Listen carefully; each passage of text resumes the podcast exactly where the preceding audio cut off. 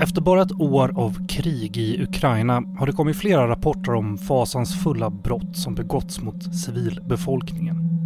Konflikten i Tigray i Etiopien har karaktäriserats av massavrättningar och sexuellt våld. Juntans metoder i Myanmar rapporteras som brott mot mänskligheten. Men hur lagför man dessa ohyggliga övertramp? Hur definieras de? Och finns det ens en möjlighet att ställa de ansvariga inför rätta?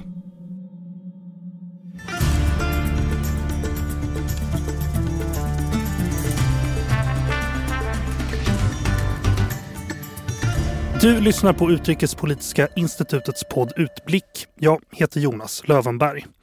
Tyvärr så verkar allt för många väpnade konflikter plågas av krigsbrott och brott mot mänskligheten. Men vad är då ett krigsbrott och hur hanterar vi den här typen av förbrytelser begångna i andra länder här hemma i Sverige? För att hjälpa mig och er att förstå det här bättre har jag med mig Said Mahmoudi, professor emeritus internationell rätt vid juridiska fakulteten vid Stockholms universitet. Välkommen Said. Tack. Och Rina Devgun, kammaråklagare och teamleader för krigsbrottsgruppen på Åklagarmyndigheten. Välkommen. Rina. Tack så mycket.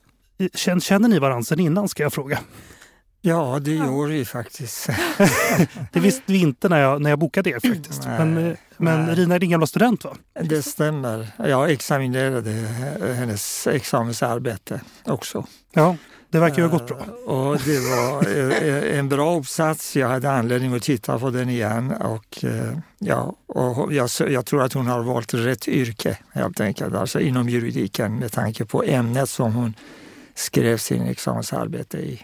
Okej, kul att höra. Vi brukar alltid börja utblick med att försöka reda ut definitioner och skapa lite kontext. Så att jag tänkte börja med den här kanske ganska stora frågan. men vad är ett krigsbrott? Ja, krigsförbrytelser som vi kallar det i, mm. i lagens mening.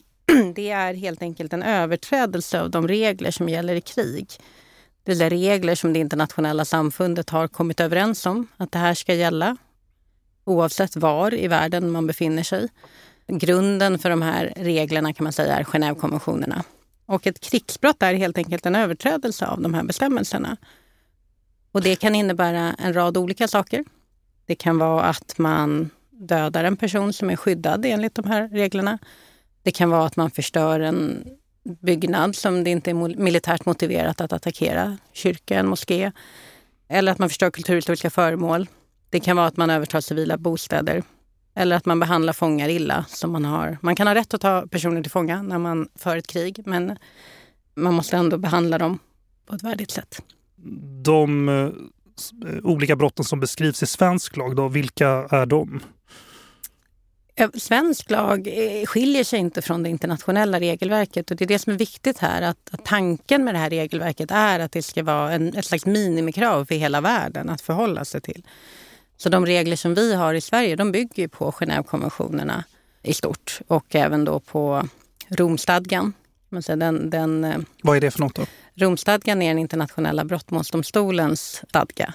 Och det är där också de här brotten definieras. Eh, utifrån dem så har man då identifierat en rad gärningar som är förbjudna i krig. Vilka de är exakt, det är en ganska lång bestämmelse, men det, det är eh, att man inte får döda, tortera, man får inte angripa civila objekt. Ska också i, I sin krigföring så ska man tillämpa vissa olika principer. Som? Som proportionalitet. Man, man ska tänka sig för när man attackerar någonting. Också distinktion. Det är väldigt viktigt att man inte angriper civila mål medvetet. Man ska alltid värna om skyddade personer, civila. Men förlåt, jag bara undrar hur ofta lyckas man hålla sig till det då? Ja, en bra fråga. Eh, men det är viktigt att de här reglerna finns att det ändå finns ett sanktionssystem för att, att beivra. Och, och, det är ändå så att inom väldigt många reguljära arméer så, så upprätthåller man de här reglerna. Och man har så att säga, militära manualer, man har regelverk inom en armé för att hantera den här typen av situationer. Men sen är det också så att vi ser väldigt många situationer, väldigt många väpnade konflikter där det här regelsystemet är i princip helt satt ur spel och att man inte agerar därefter. Men då är det också bra att det finns möjligheter att, att lagföra i framtiden. Just det, och vi kommer återkomma till en massa exempel angående det här. En annan term som brukar dyka upp då, alltså brott mot mänskligheten. Då. Vad är det för någonting då, Said? Ja, innan jag svarar på den frågan kan jag kanske lägga till, Ja. eh, eftersom du ställde en fråga som kanske har betydelse för hela folkrätten egentligen. Det är många som undrar eh, när man berättar om folkrätten och att ett land eh, gör något riktigt dumt, attackerar ett annat land eller på något annat sätt bryter mot folkrätten. Eh, blir man förvånad varför det har hänt och varför omvärlden inte reagerar, inte gör någonting. Och jag, jag tänker bara att få ett riktigt svar på den frågan måste man tänka på hur många brott som begås i varje land trots att det finns fullständig lagstiftning i nästan alla länder. Mm. Och ändå förekommer eh, alltså brott. Därmed kan man inte så att säga, garantera att eh, eftersom vi har regler eh, då måste alla följa och aldrig förekommer brott. Så är det inom folkrätten med ett stort undantag och undantaget är att inom folkrätten landet följer reglerna betydligt bättre och effektivare jämfört med hur medborgare i ett land följer reglerna när det gäller antalet brott menar jag. Så det är mm, oftast som sagt man har en fel uppfattning att eh, det går inte att förebygga brott, det går inte att straffa. Det, staterna gör dumma saker, visst det gör de, men det är ändå undantag. Jag kan också kanske, en, en annan Visst. sak som jag tänkte nämna är att krigsförbrytelser som vi hörde väldigt eh, korrekt beskrivning av krigsförbrytelser. Det är någonting som händer när kriget har börjat. Alltså det är, mm, i princip har ingenting att göra med innan dess och det är mycket som kan hända innan dess, bland annat planering, förberedelse, beslut att börja krig mot ett annat land, använda våld och då hamnar de inom folkrätten, då hamnar de inom en annan kategori.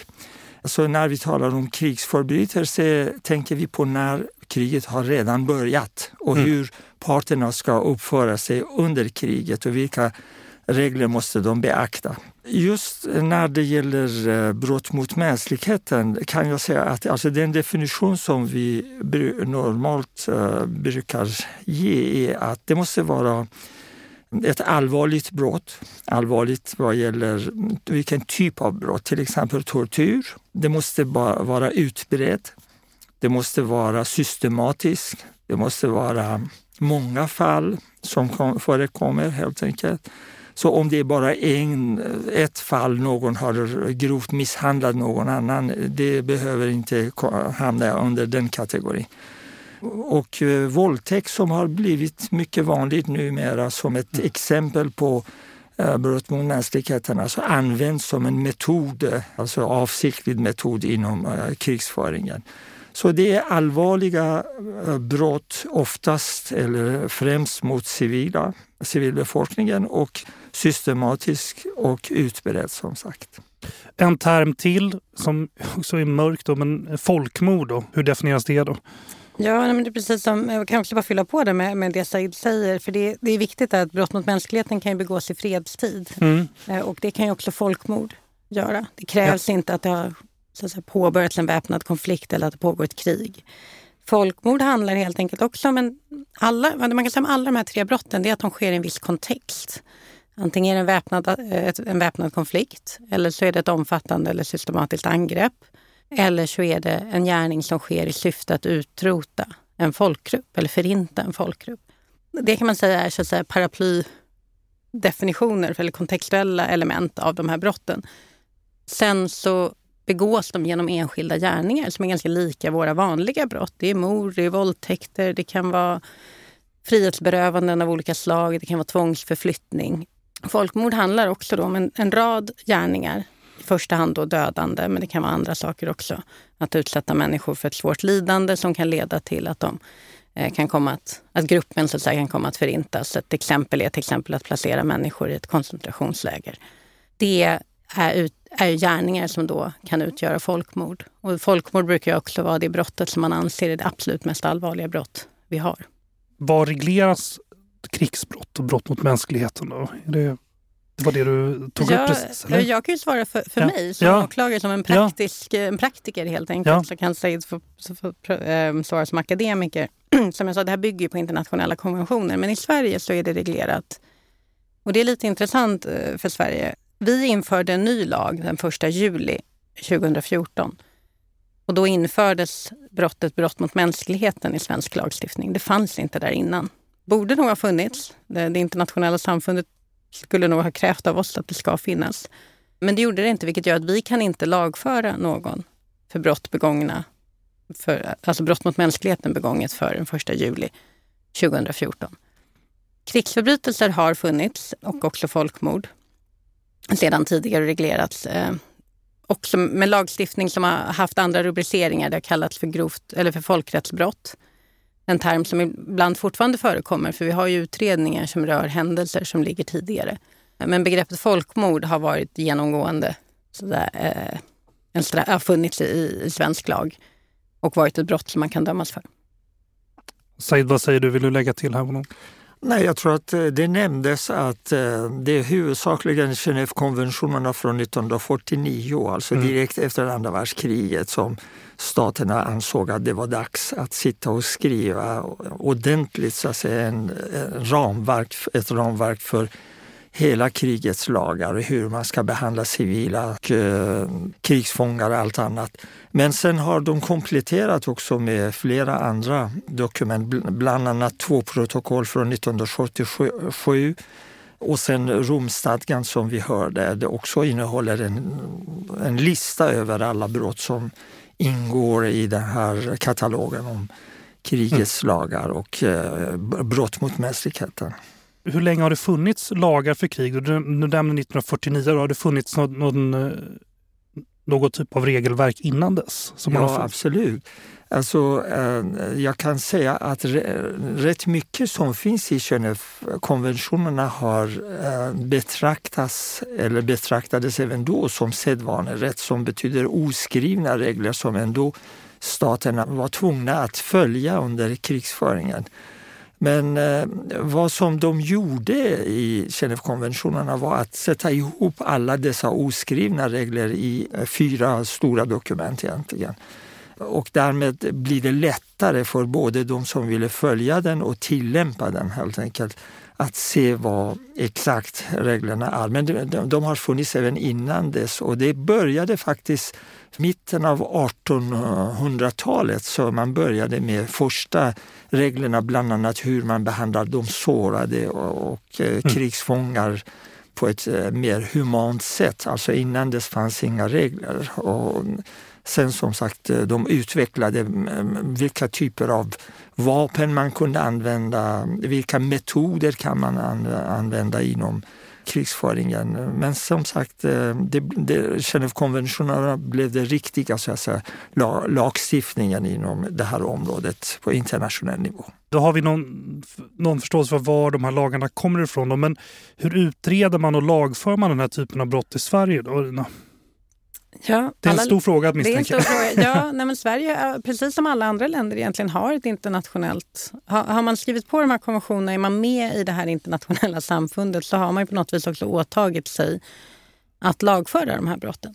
Och det skulle jag säga att vi är ganska bra på. I Sverige så har vi en grupp inom polisen med särskilt utsedda poliser som jobbar med att just utreda och lagföra den här typen av brott. Och i det räknas alla de här tre brotten. Folkmord, brott mot mänskligheten och krigsförbrytelser. Och sen har vi också särskilt utsedda åklagare.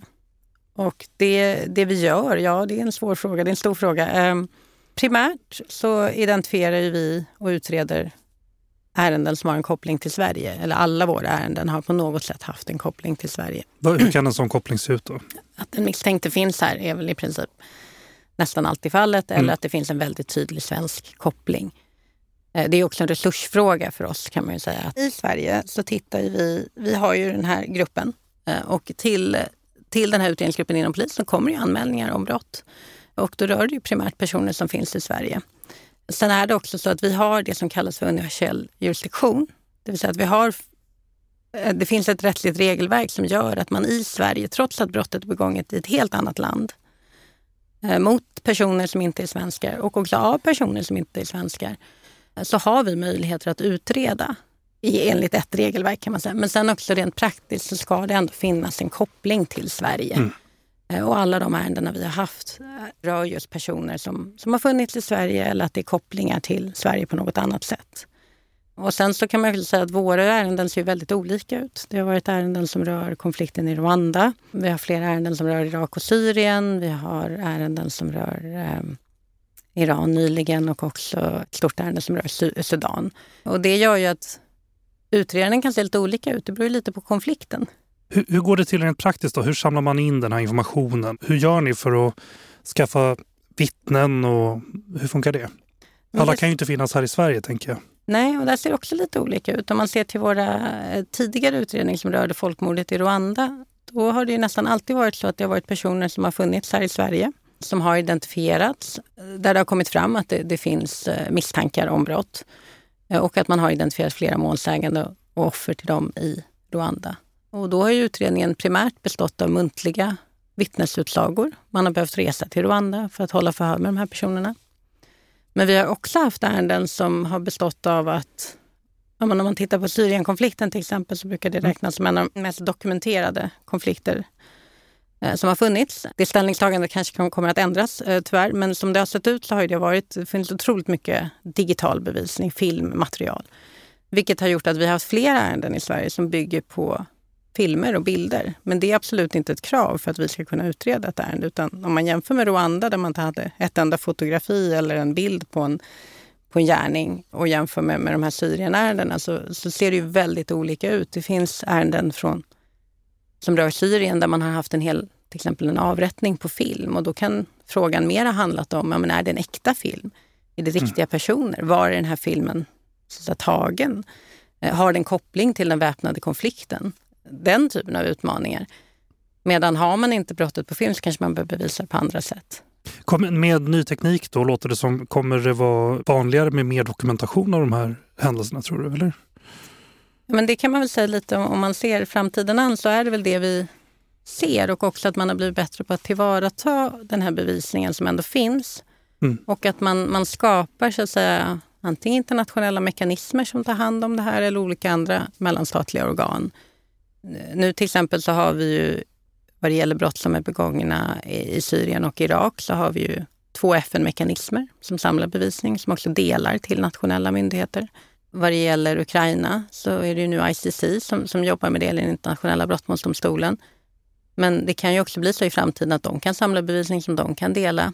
Och det mm. finns också inom EU så finns det numera också ett, en ny mekanism som ska samla bevisning och det där är väldigt viktigt. för att när det gäller de internationella, eller de här brotten, så de är svårutredda. De sker i väpnade konflikter eller i orosområden eh, i länder som det kan vara svårt att, komma till som polisutredare.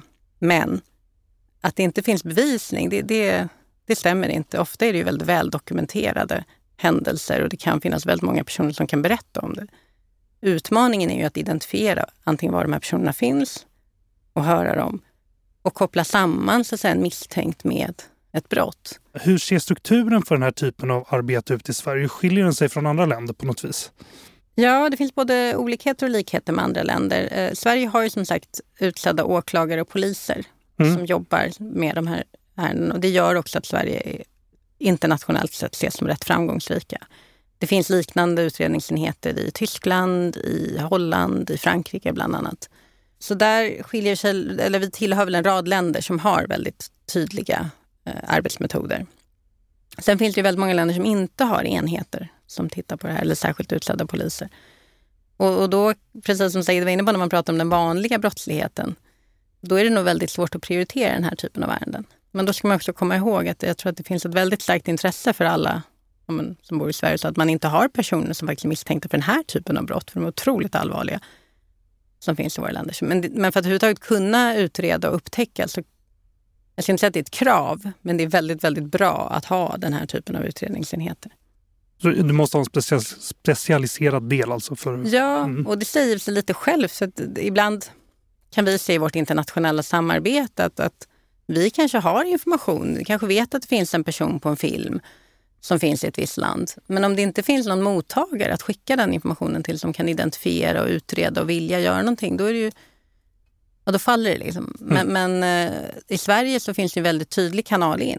Är det någon som har ett tips eller vet någonting. Och många av våra ärenden har ju kommit in just på det sättet. Att det kommer ett tips från en målsägande eller från ett vittne om att den här personen befinner sig här och jag vet att den personen medverkade på den här filmen. Eh, det är inte så att det automatiskt är någonting som genereras hos oss utan det krävs ju någonstans just det här att man ska identifiera var den misstänkte finns och, och koppla det till den, eh, ja, den bevisningen som finns. Och en annan sak bara kort, brukar det ta, hur lång tid brukar det ta? Jag, jag, förstår att svaret är det tar olika lång tid men, men eh, ibland tar det väl lång tid att reda ut sådana här brott eller? Ja men det gör ju, det säger sig självt att, att är det så att bevisningen finns i Rwanda eller mm. i ett annat land och vi behöver resa dit, då tar det ju längre tid. Mm. Eh, men ibland så gör det inte det. Vi har flera av våra ärenden som rör Ja, som rör ju Syrien, då har det ju varit personer som har funnits här. Det har varit digital bevisning, det har rört IS-återvändare. Mm. Då finns ju väldigt mycket av bevisningen redan i Sverige och då har det inte tagit längre tid skulle jag säga än vad det kanske hade gjort för ett vanligt grovt brott i Sverige.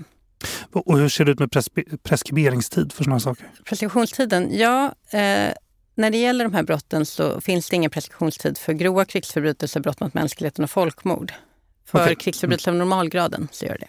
Okej. Okay. En annan fråga då, spelar medborgarskap någon roll, Said? Egentligen inte. Det enda är att eh, en grundprincip i folkrätten är att ett land eh, har alltid möjlighet och rätt att utöva sin jurisdiktion över sina egna medborgare för brott som begås vad som helst, mm. i princip. Men sen när det gäller den typ av brott som vi pratar om här, alltså så kallade internationella brott, mm de eh, eh, täcks av eller omfattas av eh, den så kallade universella jurisdiktionen. Mm, alltså som en, en princip, på det. Ja. Också en folkrättslig princip. Folkrätten ger den möjligheten till alla länder i världen att om de vill kan de utöva sin jurisdiktion. En sak till vi ska förklara innan vi hoppar vidare till saker som pågår nu då kanske är Said, kan du säga något om vad ICC är för någonting? Mm. ICC är, måste jag säga, resultatet av vad som hände under 90-talet, 1990-talet. Och förlåt, vi ska säga att det är internationella brottmålsdomstolen också. Ja, internationella brottmålsdomstolen, exakt. Alltså det var efter Sovjetunionens eh, upplösning eh, 1990-91. Då såg världen helt annorlunda ut. Det blev eh, möjligt med mycket som var helt omöjligt innan dess. Ämnet mänskliga rättigheter blev ett viktigt ämne även internationellt, alltså på FNs nivå och annat.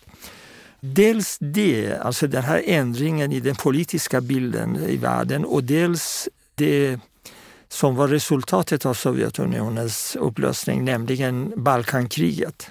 Det faktum att eh, jugoslaviska Alltså Jugoslavien och de delstater som ingick i Jugoslavien ville bli självständiga och därmed kriget som följde med massor av brott som begicks och med den teknik som fanns eh, då och äh, finns även idag, då kunde hela Eh, världen i princip följa vad som hände, alla brott som begicks där. Och eh, det fanns ett, dels var det det och sen också eh, samtidigt i Rwanda. Det var inte bara Jugoslavien, samma sak hände i Rwanda. Vi alla kommer ihåg hur det var 800 000 som dog inom tre månader, eller mördades inom tre månader. Så det, fanns, det kändes som om det fanns ett behov för en internationell brottmålsdomstol, något som var som helt otänkbart innan dess på grund av spänningen mellan öst och väst. Och eh, inom FN började man diskutera det här och det var faktiskt Sverige hade en, en ganska stor och aktiv roll med Hans Corell som var då eh, chef, rättschef på FN och drev den här frågan också och bidrog också väldigt mycket på, det, på eh, frågan. Så, så småningom, eh, som sagt, det fanns stöd även internationellt från många länder. Och eh, det blev eh, ett beslut i form av att anta den här stadgan, Romstadgan 1988. Och domstolen inrättades och med allmän behörighet. Och det var skillnaden mellan den här internationella brottmålsdomstolen i Haag och tribunaler som också inrättades för särskilda tribunaler för Jugoslavien, för Rwanda, senare andra lösningar för Kambodja, för Sierra Leone, för Libanon. Alltså det var många olika typer av internationella eh, lagföring av de misstänkta. Så det, det, var därför eh, vi fick en internationell domstol och det också trädde i kraft, stadgan trädde i kraft ganska snabbt 2002 och domstolen började sitt jobb 1 juli 2002 och nu har det varit igång i över 20 år. Och sen, eh, jag måste också tillägga att domstolen på grund av eh, många omständigheter har begränsat sig och fokuserat sig på endast de ledande skiktet i varje land som är misstänkt, mm. inte mellannivå och så vidare. Så Eh, det handlar om statschefer, det handlar om befälhavarna, alltså de riktiga värstingar. Så det, högst har det varit sex personer från varje situation som har um, ställts inför rätta inför domstolen. Nu ska vi titta på vad som händer nu då. Så jag undrar, Rina, hur många brott av den här typen anmäls i Sverige och hur många tas upp då? Per, vi säger per år, jag har inte satt någon Nej, jag, jag vet, jag har inte den siffran hur många som anmäls faktiskt. Men det är väl nog en, en, en rad anmälningar som kommer in. Eh, jag kan att merparten av våra anmälningar kommer från Migrationsverket. Migrationsverket okay. har en skyldighet att i sina asylprövningsprocesser eh, pröva om en person kan misstänkas för något av de här brotten. Och kan man misstänkas, då har de också en skyldighet att anmäla det till oss. Så vi får en hel del anmälningar från dem. Sen så kommer det tips eh, från allmänheten. Ibland kan det vara organisationer som anmäler och ibland så identifierar vi själva personer. Hur många som leder till domar? Eh, ja, förra året så hade vi flera åtal som väcktes. Jag tror det var tre eller fyra stycken. Jag blir lite osäker. Jag tror vi hade två fällande domar mm. förra året. Ett som rör en kvinna som reste med sitt barn, flera barn, till Syrien det tror jag utan att ha fel är det, det, är det, det är det enda och första målet där vi faktiskt har en svensk målsägande i ett sånt här ärende. Eh, I vanliga fall så är det målsägande som kommer från andra länder eller att det är där brotten har skett. Men det här handlar ju faktiskt om en, en svensk mamma som reste med ett barn som var svensk medborgare.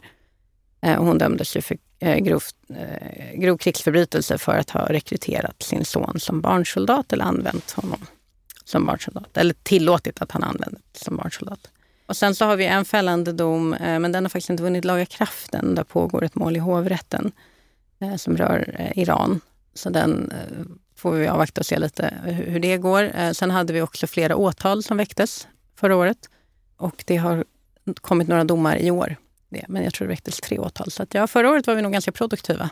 Innan okay. så har det nog, alltså man, om man tittar lite längre bak i tiden så har det nog varit så att då har det varit ett väldigt stort ärende. Till de här Rwanda-utredningarna och, forna Jugoslavien har ofta varit ärenden som kan ha tagit upp till två år att utreda. Mm. Men flera av de här målen som jag nämnde nu, de kan ha gått på ett halvår, ett år att utreda. Den här Iranutredningen har ju tagit lite längre tid, men om man tittar på barnsoldatsärendet och också ärenden som vi haft av, eh, ska man säga, lite inte lika stor omfattning som kanske har rört enskilda händelser där man har kränkt en skyddad person genom att till exempel posera med personen eller eh, på annat sätt kränka den på bild och lägga upp bilder på Facebook. Eh, de ärendena rör ju så att säga enstaka händelser och de utredningarna tar inte alls särskilt lång tid Nej. om man jämför med till exempel ett, en Rwanda-utredning. Just det. Ett särskilt fall jag vill fråga dig om, Said, ett fall som ja, min kollega Ola Westerberg har intervjuat dig om som implicerar Irans sittande president Ebrahim Raisi. Eh, Ola är inte här nu så jag tänkte om du kan ge en kort bakgrund och berätta om hur det här har hanterats i Sverige. Alltså, han, jag tror inte att det har varit eh, aktuellt här i Sverige på något sätt att eh, ställa honom inför rätta eller no, ingen har anmält honom heller. Men alltså vad som har eh, hänt är att just på grund av det här målet om en iranier som nu mm har dömts av tingsrätten och ärendet ligger hos hovrätten. Då aktualiserades den här frågan och i och med att Raisi, som numera är president i Iran, var egentligen en domare i eh, de så kallade rättegångar som, som ägde rum 1988 i Iran enligt vilka, eller vilka 3-4 tusen fångar avrättades, alltså dömdes till mm. avrättningen och avrättades. Han ville göra sig av med de politiska fångarna? Va? Ja, de mm. var politiska fångar. De var medlemmar i flera politiska partier och rörelser. Och Raisi var en av de fyra domare i Teheran som eh, satt och dömde och skrev under domarna. Så det var därför menade många att nu när den här mannen i Sverige har dömts och hans roll var, han var en ganska obetydlig person vid den tiden, 27 år gammal. Då är det mm, mer relevant att eh, den person som har dömt faktiskt, själva domaren, mm, han också ska på något sätt dömas. Eh, problemet är att, eh, och det har inget att göra med personen Raisi utan med den som har den här befattningen, alltså statschef. Han, han betraktas som statschef nu, eller president. Enligt folkrätten har de immunitet och immuniteten är absolut så länge de sitter i tjänst, alltså de tjänstgör. Och det är någonting som internationella domstolen också eh, avgjorde och fastställde 2002 i ett viktigt mål mellan eh, Kongo och Belgien. Då blev det klart för alla, en gång för allt, eh, alltid, att det är statschefen, det är statsministern och det är utrikesministern. De tre som har absolut immunitet. Eh, de kan inte lagföras så länge de har sin tjänst. Så det är uteslutet. Men sen kan man diskutera eftersom det har, vi vet till exempel att eh, Omar al-Bashir som var president i Sudan Mm, det var alltså internationella brottmålsdomstolen utfärdade en eh, internationell arrest eh, trots att han har absolut immunitet. Och även i stadgan, i, i Romstadgan står, alltså där står att immunitet inte ska vara ett hinder för att lagföra en person som är misstänkt för ett allvarligt internationellt brott. Så det var en tolkning som ICC gjorde då att eh, visserligen immunitet är ett hinder, men när det gäller så allvarliga brott som han är mm, eh, så att säga, misstänkt för, mm, det finns ingenting i mm, sedvanerätten eller i doktrinen eller i statspraxis som säger att en, en, en um, statschef ska alltid ha immunitet. Med andra ord, eh, uh, ICC gick mot internationella domstolen, den vanliga internationella domstolens tolkning av immunitet. Så, och det finns en, fortfarande pågår en diskussion inom mm. folkrätten, eh, vem som har rätt och vem som har fel. Men i och med att nu har ICC utfärdat en internationell arrestorder även för Putin mm, det. innebär mm. det att eh, de ändå insisterar att det går att lagföra en sittande president och struntar fullständigt i hans immunitet. Eh, något som som sagt man kan diskutera. Det är, det är inte riktigt så att de har hela internationella samfundet mm, bakom sig.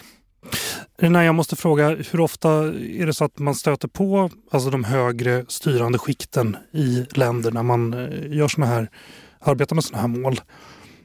Ja, men det är precis som Said säger, vi utreder ju inte, vi, vi tillämpar ju den så att säga, bestämmelsen. Vi, vi eh, kan inte lagföra sittande presidenter i Sverige. Men sen får man ju göra en viss åtskillnad vad ICC kan göra och vad vi kan göra. Ja, men jag förstår, men jag menar mer men hur att... ofta man stöter på högt... Ja, hur ofta, hur ofta era utredningar kastar ljus på, på sådana här situationer? För det är väl det som har hänt här, att en, en svensk utredning har eh, kastat ljus på den här situationen. Men det skulle jag säga är relativt vanligt. Vi jobbar ju lite mer numera kan jag säga. Det gjorde vi inte förr och det lärde vi oss egentligen efter Rwanda eh, och Jugoslavien att det här är ju ärenden som mycket ofta bygger på muntlig bevisning och den går ju inte förlorad, men det är inte bra alltid för en, en rättsutredning eller en brottsutredning att man hör en person 20 år efter någonting Nej. har hänt. Nej. Så det vi har gjort numera i Sverige det är att vi förhör personer som finns här. Och det gör ju att vi kan i, i våra i, i Sverige, men man gör likadant i många europeiska länder, det är att man kan bygga upp utredningar som kan gå ganska högt upp. Eh, för när man ser till de här brotten så är det ju så att de ofta begås, som Said var inne på, omfattande och systematiskt till exempel. Och det gör ju att det är den statsmakt som begår ett brott då, då ju, ju, mer bevisning vi samlar eller något annat land eh, samlar, ju högre upp kan man komma. Ett exempel är, nu kanske vi inte kommer så högt upp som de högsta skikten på det här sättet, men man kan komma högt upp ändå. Vi, mm. Det finns ett tyskt ärende där en person som ändå var en högt uppsatt chef inom en del av säkerhetstjänsten dömdes för eh, den tortyr som förekom eh, på den enhet som han satt. Så det går ändå.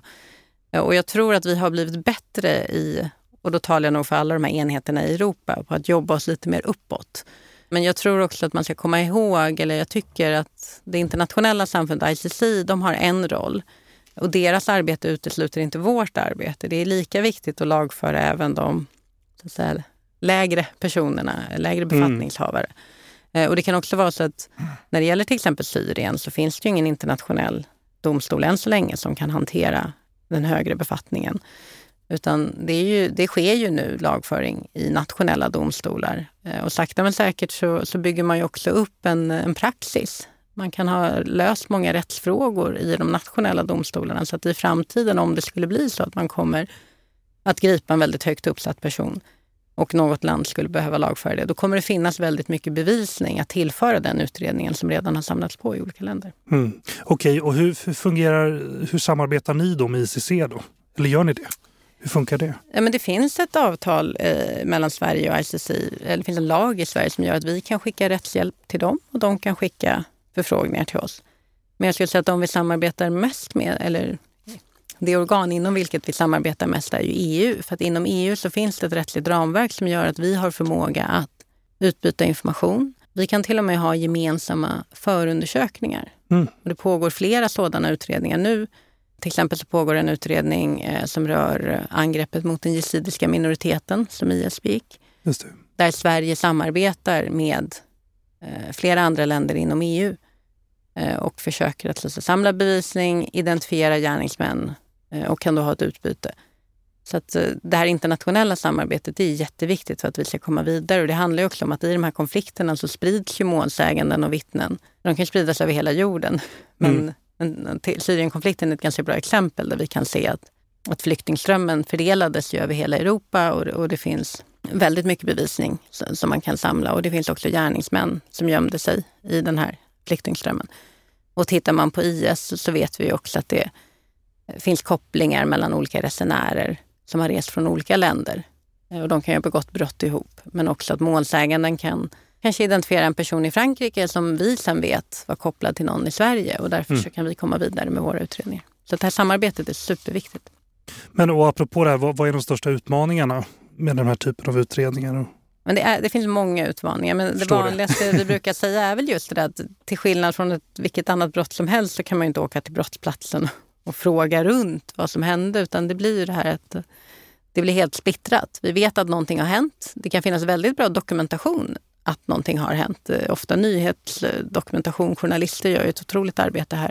Eh, men sen gäller det ju att identifiera de personer som har varit närvarande och, och hitta dem. Så jag skulle säga att enkelt uttryckt så är verkligen den största utmaningen att identifiera bevisning och att för oss blir insamlingsytan hela jorden. Oj, och det är ja. där utmaningen blir. Men, men att vi har blivit så mycket bättre skulle jag säga. Att nu, vi tillsammans med civilsamhället som har blivit Ja, men I Ukraina kan vi se nu hur många olika NGOer som, som samlar in bevisning, försöker dokumentera, man försöker strukturera den här bilder, filmer för att kunna dela med just olika nationella enheter eller ICC mm. som i framtiden kan komma att lagföra personer.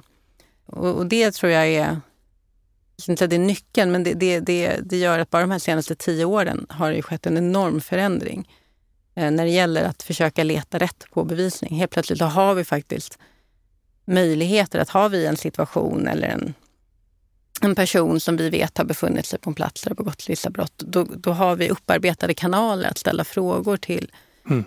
kollegor ute i Europa, men också olika organisationer eller den här typen av FN-mekanismer som jag nämnde tidigare. Apropå saker som pågår just nu, säg du var inne på det, men jag ska fråga igen. ICC har utfärdat den här arresteringsorden för, för Putin som du nämnde. Vad innebär det egentligen? Kommer det ha någon effekt? Mm. Alltså, låt mig bara lägga till, eftersom ja. jag nämnde al-Bashir-fallet tidigare, mm. att eh, det, var, det var ett helt annat, annat fall, annat typ av fall, måste jag säga, en annan typ av fall. Eftersom det var säkerhetsrådet som hade så att säga, lämnat ärendet till ICC. Och det är mm. enligt eh, ICC-stadgan, det finns en möjlighet för säkerhetsrådet att göra det. Och om säkerhetsrådet lämnar ett ärende till ICC då mm, försvinner så att säga, det här hindret av immunitet överhuvudtaget. Så därmed Um, vad gäller al-Bashir-målet, vad um, domstolen gjorde, ICC gjorde, var ändå formellt sett helt korrekt. En annan sak är att de som kritiserar, de gör det på andra grunder. Alltså.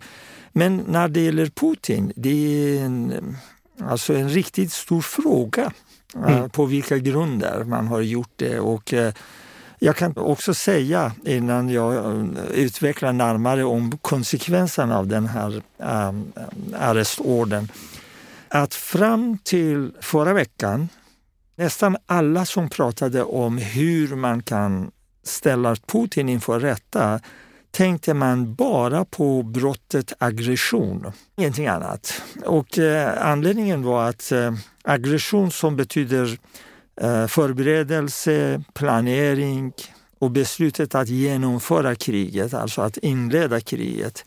Det är någonting som typiskt måste vara landets överbefälhavare den som har riktigt kontroll över hela landet. Och därmed är det Putin personligen som är ansvarig för aggression, kanske med några få andra personer runt omkring. Så man tänkte på aggression som en möjlighet att ställa honom inför rätta. Utan tvekan är han ansvarig för aggression mot Ukraina, det är solklart. Men problemet är att ICC saknar jurisdiktion vad gäller just brottet aggression i fallet Ryssland. Mm -hmm. Eftersom det kräver att det land som ska, nu i det här fallet Ryssland, måste ha anslutit sig till ICC-stadgan, måste vara medlem i domstolen. Och det är inte fallet med Ryssland. Så det är helt uteslutet med ICC och brottet aggression mot Putin. Så man började leta efter många andra olika alternativ, eh, både i Ukraina och utanför Ukraina. Eh, jag kan eh, utveckla dessa så alternativ som man har diskuterat och fortfarande diskuterar man. Men vad som var ganska överraskande var att åklagaren nu, alltså ICC-åklagaren har valt att, att utfärda den här orden, arrestorden, inte för aggression som han inte kunde göra utanför alltså två vanliga krigsförbrytelser. Bortförande av personer från äh, eget land och till något, transport till ett annat land. Just det, de här barnen man pratar om. Ja, och det handlar om barnen. just det. Mm. Det står i, i stadgan och det är ett brott, krigsbrott, alla vet det. Och varför just Putin? Eftersom för sådana brott, vad vi tänkte innan dess alltså det kom, var att det är den person som direkt beordrar det här eller genomför det här. Mm.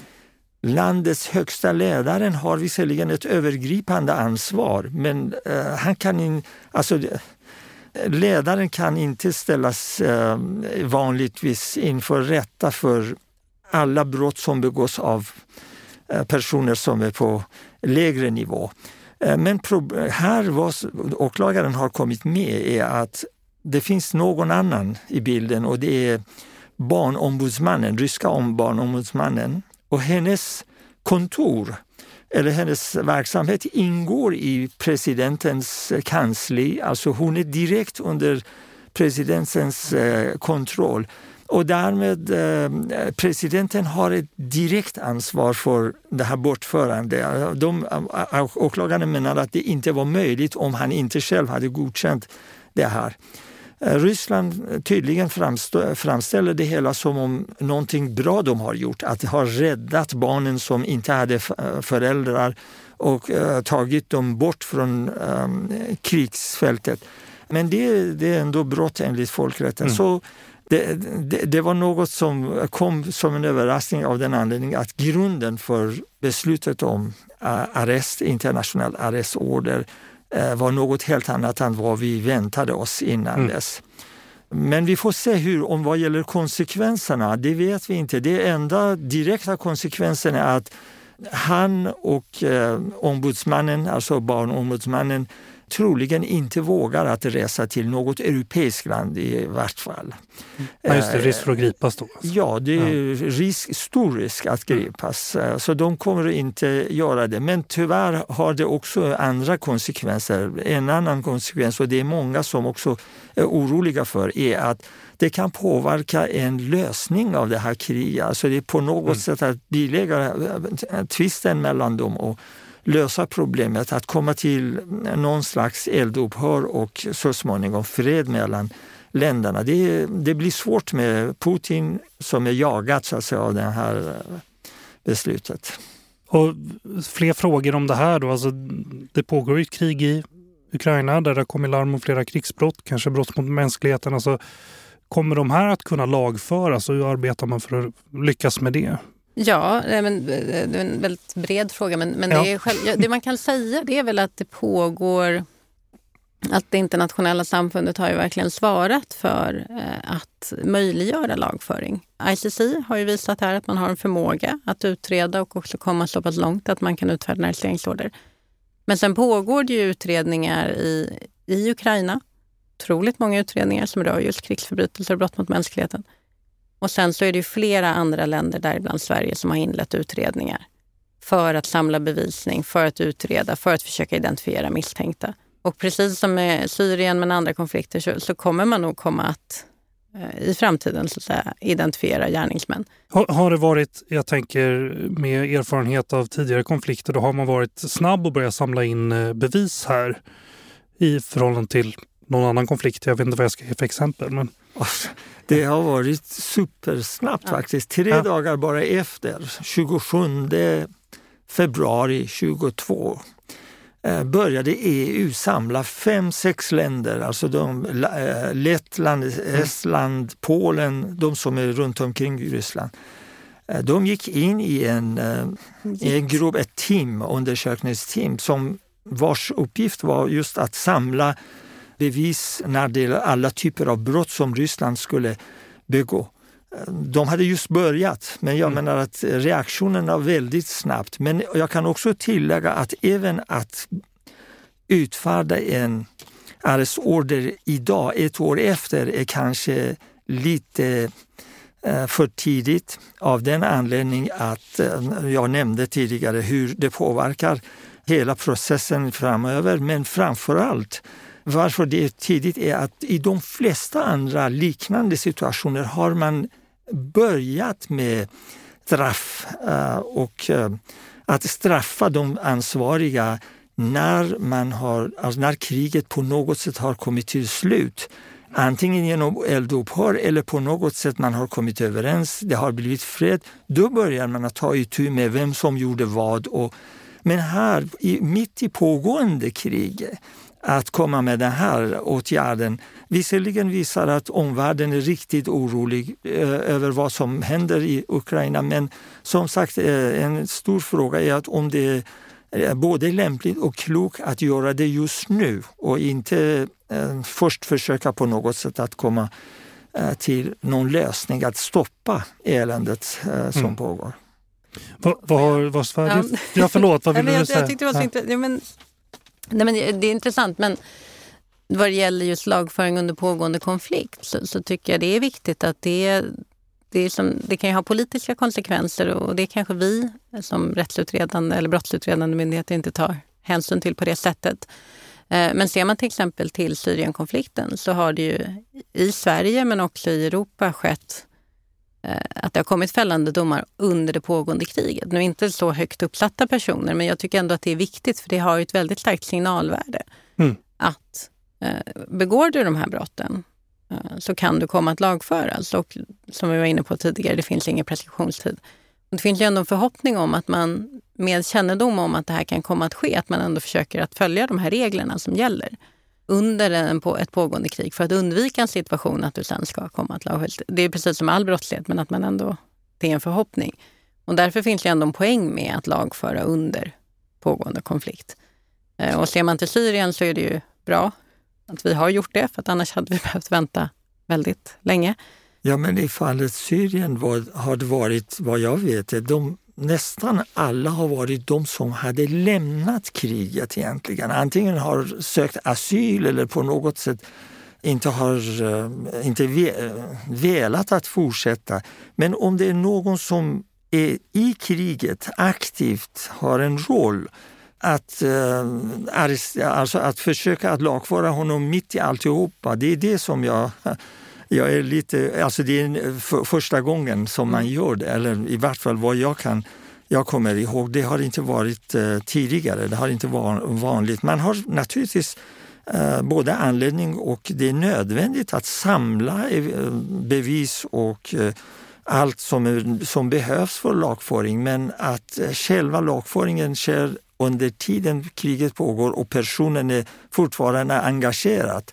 Ja, det är nytt i alla fall i det här fallet. Har, har Sverige någon roll i det här? Då? Lagföra krigsbrott i Ukraina? Nej men precis som med alla andra ärenden tycker jag också är viktigt att det, det är sant att det internationella samfundet har svarat väldigt fort men det har ju också man kan också säga, man kan vända på det och säga att det fanns redan ett väl fungerande arbete för att utreda den här typen av brott, av brott generellt i Sverige, i Europa. Vilket gjorde att när det här kriget väl skedde så var det egentligen bara att sätta igång på en gång. Det var nog därför i Sverige så inledde man en förundersökning om brott begångna i Ukraina i princip omedelbart också. Mm. Och tanken är att man vill identifiera bevisning, primärt den som finns i Sverige, just för att kunna antingen om vi identifierar ärenden i Sverige som vi kan lagföra, eller för att bistå andra utredningar. Och det är precis så vi har gjort eh, de senaste åtta åren. Vi har jobbat som i Syrien också. Eh, så att eh, Sverige kommer absolut ha en roll i framtiden. Eh, och det vi kan se det är väl också att det, det är fler länder som har börjat jobba på det här sättet. De här jag nämnde initialt, de har ju hängt med väldigt länge och haft utredningar rörande alla möjliga konflikter. Men nu i de här sammanhangen så nämns ju flera nya länder som mm. kanske inte tidigare haft internationella utredningar eller utredningar av det här slaget. Och det är ju jättebra. Hörrni, tiden går fort när man pratar om intressanta saker. Nu kommer vi till sista frågan här. Det finns undersökningar som säger att demokratin är på nedgång i världen och världen blir mer och mer uppdelad, isolatorisk och sådär. Påverkar det här möjligheten att utreda och lagföra den här typen av brott? Jag vill nog säga tvärtom, från mitt perspektiv. Mm. Det blir väldigt eh, individuellt. Men det, det, är just att vi har så mycket bättre möjligheter numera att mm. utreda de här brotten och att vi har inte bara i Sverige men också de här internationella organen, samarbetsförmågan med andra länder. Allt det här har ju bara förbättrats och eh, det internationella samfundet har verkligen visat att det här är någonting man vill göra och man sätter väldigt högt på agendan. Så att, att möjligheterna för att utreda den här typen av brott och framtida lagföring utifrån ett svenskt perspektiv, men kanske ett europeiskt perspektiv, är att det har bara förbättrats och det kommer nog bara bli så att säga, mer av det.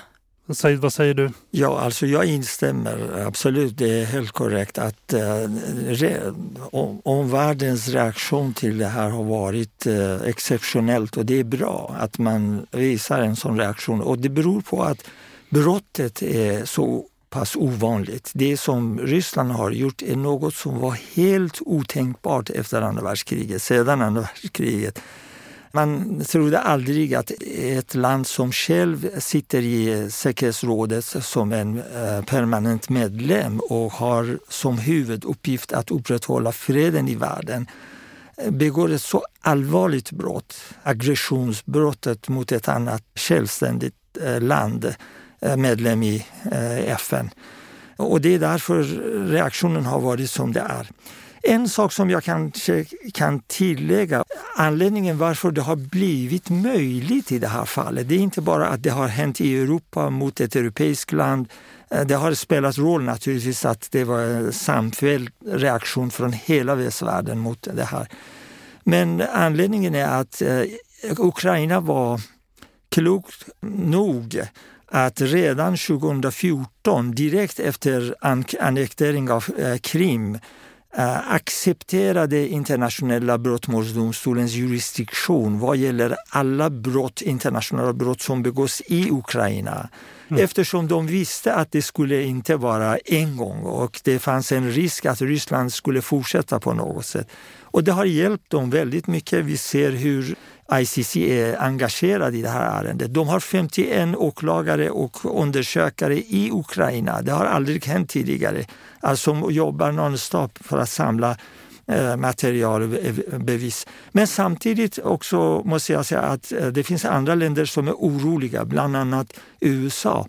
USA har hjälpt väldigt mycket i det här fallet, har givit stöd till ICC och de vill att, eh, de applåderar för att vad, eh, vad ICC har gjort mot Putin. Men samtidigt de är oroliga att det händer samma sak mot USA i ett annat land. Ett annat land genom att ge en spe, speciell jurisdiktion till ICC vad gäller brott som de misstänker att USA skulle begå i det landet. Och vad mm. kommer att hända med oss? Alltså, det är därför de är väldigt försiktiga, trots att de ger sitt stöd. Så jag menar att i det här fallet har det fungerat bra. Det är önskvärt, det finns allmänt stöd och det är jättebra. Men jag bara undrar hur många andra länder som blir attackerade någon gång i framtiden får samma reaktion från omvärlden och det blir samma typ av reaktion.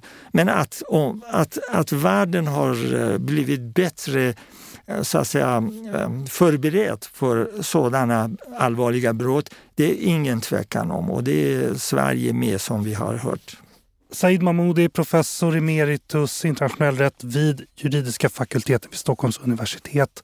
Rina Devgun, kammaråklagare och teamledare för krigsbrottsgruppen på Åklagarmyndigheten. Tack för att ni kom. Tack så mycket. Tack, tack. Nu har du lyssnat på Utrikespolitiska institutets podd Utblick. Glöm inte att trycka på prenumerera-knappen i appen där du lyssnar på oss. Om du vill veta mer om UIs forskning och omvärldsbevakning, titta in på ui.se. Vår vignett är komponerad av Friden Frid. Vi spelar in hos Red Means Go i deras nya fina studio på Kungsholmen här i Stockholm och i kontrollrummet idag sitter Kyle Rosén. Jag heter Jonas Lövenberg. På återhörande.